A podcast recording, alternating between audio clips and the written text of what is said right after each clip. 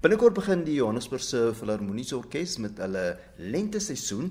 Dis 'n totaal van 3 konserte en dit word elke donderdag aand om 7:30 gehou in die Linder Auditorium. En ek gesels nou met Magte de Vries. Sy is by die orkes baie betrokke in die slaginstrumente groep, maar gaan ook hierdie keer as 'n solis optree. Magte, ons kom later by eh, die aand of die konsert waar jy dan nou gaan optree as solis. Maar daar is twee dirigente wat gaan optree gedurende hierdie drie konserte. Ja, Terence Daniel Boyko is weer terug op die podium. Hy is nou 'n ou bekende by die uh, Johannesburgse Filharmoniese Orkees. So hy ken al die orkeslede goed en dit is natuurlik altyd lekker want dan het 'n mens half reeds 'n verhouding opgebou met die dirigent en dan 'n vroulike dirigent wat vir die eerste keer die orkes sal dirigeer. Sy was om die waarheid te sê die wenner in 2019 van 'n um, internasionale kompetisie spesifiek vir vroue dirigente. So ek dink dit gaan 'n baie lekker konsert wees en natuurlik verfrissend om te sien dat vroulike dirigente orkes dirigeer want mens dit is eintlik maar nog so 'n bietjie van 'n 'n rare ja, tyd. Ja, rare tyd. Ja. maar dit is interessant, dit is eintlik jammer dat sy nou nie uh, die eerste konsert dirigeer wat die 25ste Augustus is nog steeds in vroue maand. Sy gaan eers by die 1 September se konsert gaan sy dan nou die dirigeerstokkie swaai. Rebecca Tong sy is eintlik mos van Indonesië en ek verneem sy is uh, baie gereeld uh, tree sy op saam met die Jakarta Simfonie Orkees mm. daar. So ek dink ons sien baie uit na haar optrede ja, hierso. Ja, ja, en uh, tydens die drie konserte sal daar dan nou drie soliste optree. Mm, dit is reg. Die eerste konsert se solis is 'n uh, violist Susanna Hou as dit ek nou dit reg uitspreek. Sy's 'n Chinese Kanadees. Sy is gebaseer in in Kanada. Sy het 'n heel paar jaar gelede opgetree saam met Johannesburgse Philharmoniese Orkees en sy speel die pragtige Sibelius vioolkonsert. Dan nou die tweede week is 'n groot orkes. Dit is 'n gekombineerde konsert met die Johannesburgse Philharmoniese Orkees en KwaZulu-Natal se Philharmoniese Orkees.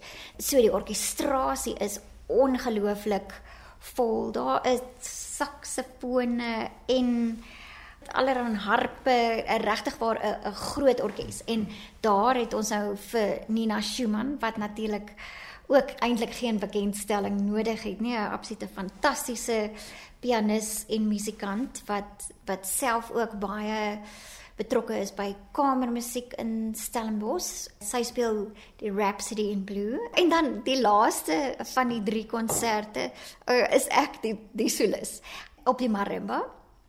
En dit is om die waarheid te sê, die eerste keer in die geskiedenis van die Johannesburgse Filharmoniese Orkees wat daar 'n uh, marimba konserto aangebied word. 'n Klomp jaar gelede het ek die Bartok konsert vir twee perkussie en twee pianiste gedoen, toevallig ook saam met Nina Schumann, maar hierdie is die eerste keer wat die gehoor dan nou die geleentheid sal hê om vir my op my groot marimba te kan hoor. Op 'n vorige geleentheid het jy vir my gesê dat as jy die marimba speel dan is jy Magdalena de Vries. Dit is reg, dan is ek Magdalena net om dat my naam amper so lank kan wees soos die instrument, maar die instrument wen nog steeds. Ja. Kom ons begin by die 25ste Augustus, dis nou donderdag aand se konsert. 'n Baie fantastiese werk. Dit is 'n groot gunsteling by baie mense. Dit is die hoofwerk van die aand. Natuurlik die die solis uh, speel die Sibelius se konserto vir viool en orkes. En, en dit is regtig 'n pragtige pragtige stuk musiek. Ek dink Sibelius se musiek is baie nasionalisties georiënteer en is so geïnspireer deur Finland en en dit dit voel so 'n bietjie pastoraal ook. En dis dis nie 'n reusagtige orkes nie. So uh, maar so dis 'n baie intieme dink ek program en en die hele orkesbesetting vir al die werke op die program. So ek dink dit gaan definitief dit gaan 'n absolute treffer wees. Ja.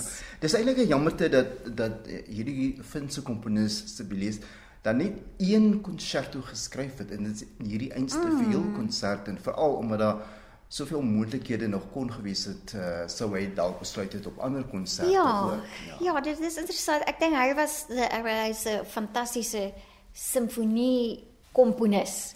So dit is interessant hoe komponiste baie keer en mense sal nou nie weet wat die rede mm. daar agter is nie, vo, gemaklik voel in 'n sekere genre. Maar dit is verseker jammer, maar ten minste het ons daardie een pragtige konserte waarna ja. ons kan luister. Ja, dis 'n groot gunsteling by luisteraars mm. en en ook by die gehore. En dan die groot werk vir die orkes die aand. Dit is dan nou die simfonie, Dvorak se simfonie vir die nuwe wêreld. Ook weer eens, is 'n absolute pragtige werk. En en daar's 'n baie baie bekende Cor Anglais solo 'n buitengewone instrument om mense het nie altyd 'n koranglei in in die program nie, maar dit is so pragtig en en Dvorak het dit regtig waar so vindingryk gebruik. Weerens Dvorak se musiek ook nog 'n bietjie nasionalisties. Eh, so dit is die verskillende bewegings van die werk vorm regtig net so 'n pragtige eenheid en en ook be ander bekende melodieë wat ek dink die gehoor definitief sonder dat hulle besef dit is die Dvorak sal herken en baie sal geniet. Maar daar's ook 'n plaaslike komponis wat aan die beurt kom. Ja, dit is heerlik altyd om Suid-Afrikaanse komponiste op die programme te sien. Don Laka is 'n bekende jazz musikant, Suid-Afrikaanse jazz musikant. So daar is 'n werk van hom Like the Moon met die subtitel we shall rise again. So ek dink dit gaan 'n baie opwindende opening van die seisoen en van dan nou die eerste konsert wees want dit dit soos ek sê dit is altyd heerlik om plaaslike musikante te kan insluit en en regtig vir te kan vereer. Ja, dit sal interessant wees om te hoor wat die orkes en wie dit ook al verwerk het, mhm. gemaak het van omdat hy 'n jazz komponis eintlik is Absoluut. en hier kom hy in en, en dit word nou vir 'n baie groter orkes. Orkes, ja. Musiekensemble mm. bedoel. So dit sal interessant wees om te hoor hoe dit klink. Ja, ja, ja ek sien self uit daarna. Dan beweeg ons na die 1 September toe. Dis nou op lentedag. En dit is nou die aand waar die twee orkeste saam gaan optree. Dit is korrek. En eh, soos ek genoem het, dit is dan nou eh, die feit dat dit twee orkeste is wat kombineer, beteken dit mense 'n soort van jou jou arsenaal is baie groter. En 'n absolute wonderlike program. Dit sluit uh, buitengewone instrumente in, saksofoon spesifiek wat nie soort van algemeen gebruik word in 'n simfonieorkes nie, maar baie goed gebruik word in hierdie konteks om die waarheid te sê in al drie die werke. So so die saksofone gaan maar moet hard werk vir hulle geld. ja. Want wanneer die saksofoon in die simfoniese konteks gebruik word, is dit dikwels word dit ge, as amper as 'n solo instrument gesien en wat definitief die geval is met hierdie werke en ek ek dink dit is soort van dit dit bring die twee wêrelde baie goed bymekaar.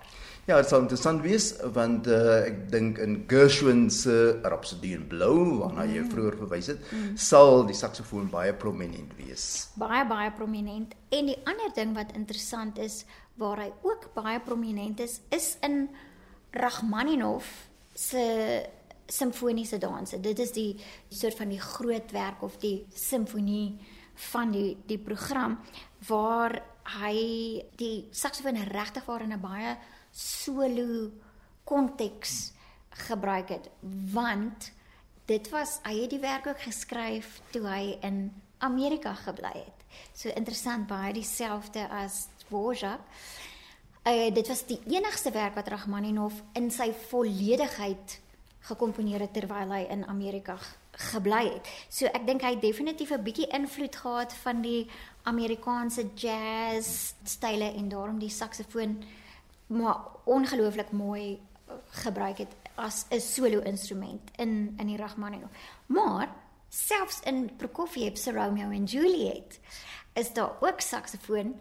En dan beweeg ons na die 8de September toe. Dis die laaste konsert in die uh, lente seisoen reeks. Dis nogal 'n potpourri. Dit is omtrent. Ja nee, ek dink daar gaan iets wees vir almal om na te kyk en te luister. Dis regtig waar 'n baie interessante kombinasie van van 'n repertorium. Weereens dit dit, dit vereis nogal 'n groot orkes. So om die programsamestelling te doen, wil 'n mens dan graag soort van kapitaliseer op jou spelers wat jy nou reeds het. So al hierdie werke het nogal vereis nogal 'n groot orkes, almal vereis 'n groot slagwerk seksie en die Debussy Petit Suite was oorspronklik 'n klavierwerk van Debussy, maar een van sy vriende het dit georkestreer. So nie 'n reusagtige orkes daar nie, maar ek dink dit sal 'n baie heerlike soort van 'n rustige manier wees om die program so af te skop en dan natuurlik die konsertewerk vir die aand is die Fantasy on Japanese Woodprints deur Alan Hovanes wat oorspronklik in op wel, gebore is in Armenië en hierdie werk is baie interessant want hy het 'n groot orkes. Daar's twee harpe, daar's drie fluitte insluitend in piccolo, daar's drie trombone, vier horings en natuurlik al die al die strykers en ook lekker baie slaginstrumente wat in baie van die gedeeltes soort van daai Japaneese taiko gevoel oordra. Net vinnig oor die werk, dit is oorspronklik geskryf vir as xylofoon solo want dit is reeds in 1965 gekomponeer. So dis eintlik 'n ou werk en oud in terme van die ontwikkeling van die marimba jy kan amper daaraan dink as 'n bietjie soos 'n pictures at an exhibition van Mussorgsky. Dit is sulke verskillende episodes wat dan nou die hele werk vorm.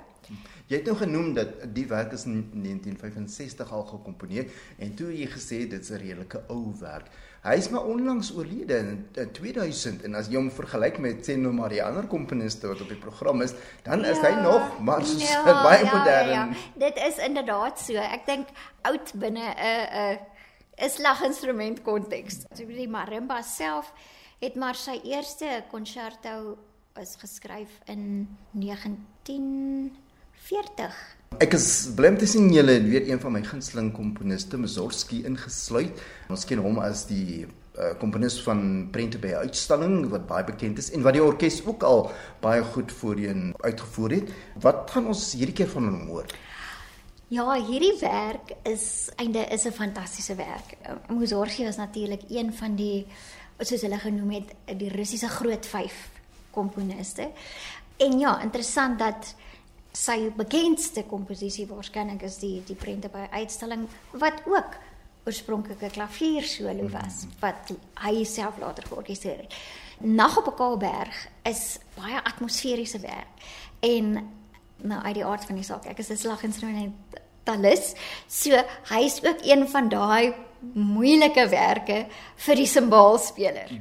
So kontrasterend van jy weet die Kaalberg so dis die half die niksheid, maar daar's 'n sterk Russiese element betrokke by die werk en van dit gaan van baie rustig na na 'n baie opwindende stukke musiek waar dit voel asof al die orkeslede regtig waar alles moet uithaal en wys.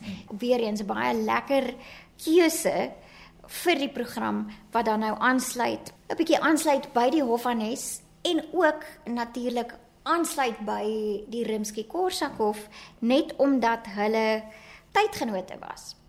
So Rimsky-Korsakov werk wat wat op die program is is die baie bekende Capriccio Español wat ook baie interessante fasette het of weer 'n baie baie groot slagwerk seksie het, maar ook individuele instrumente in die orkes regtig waar as soliste laat gedei.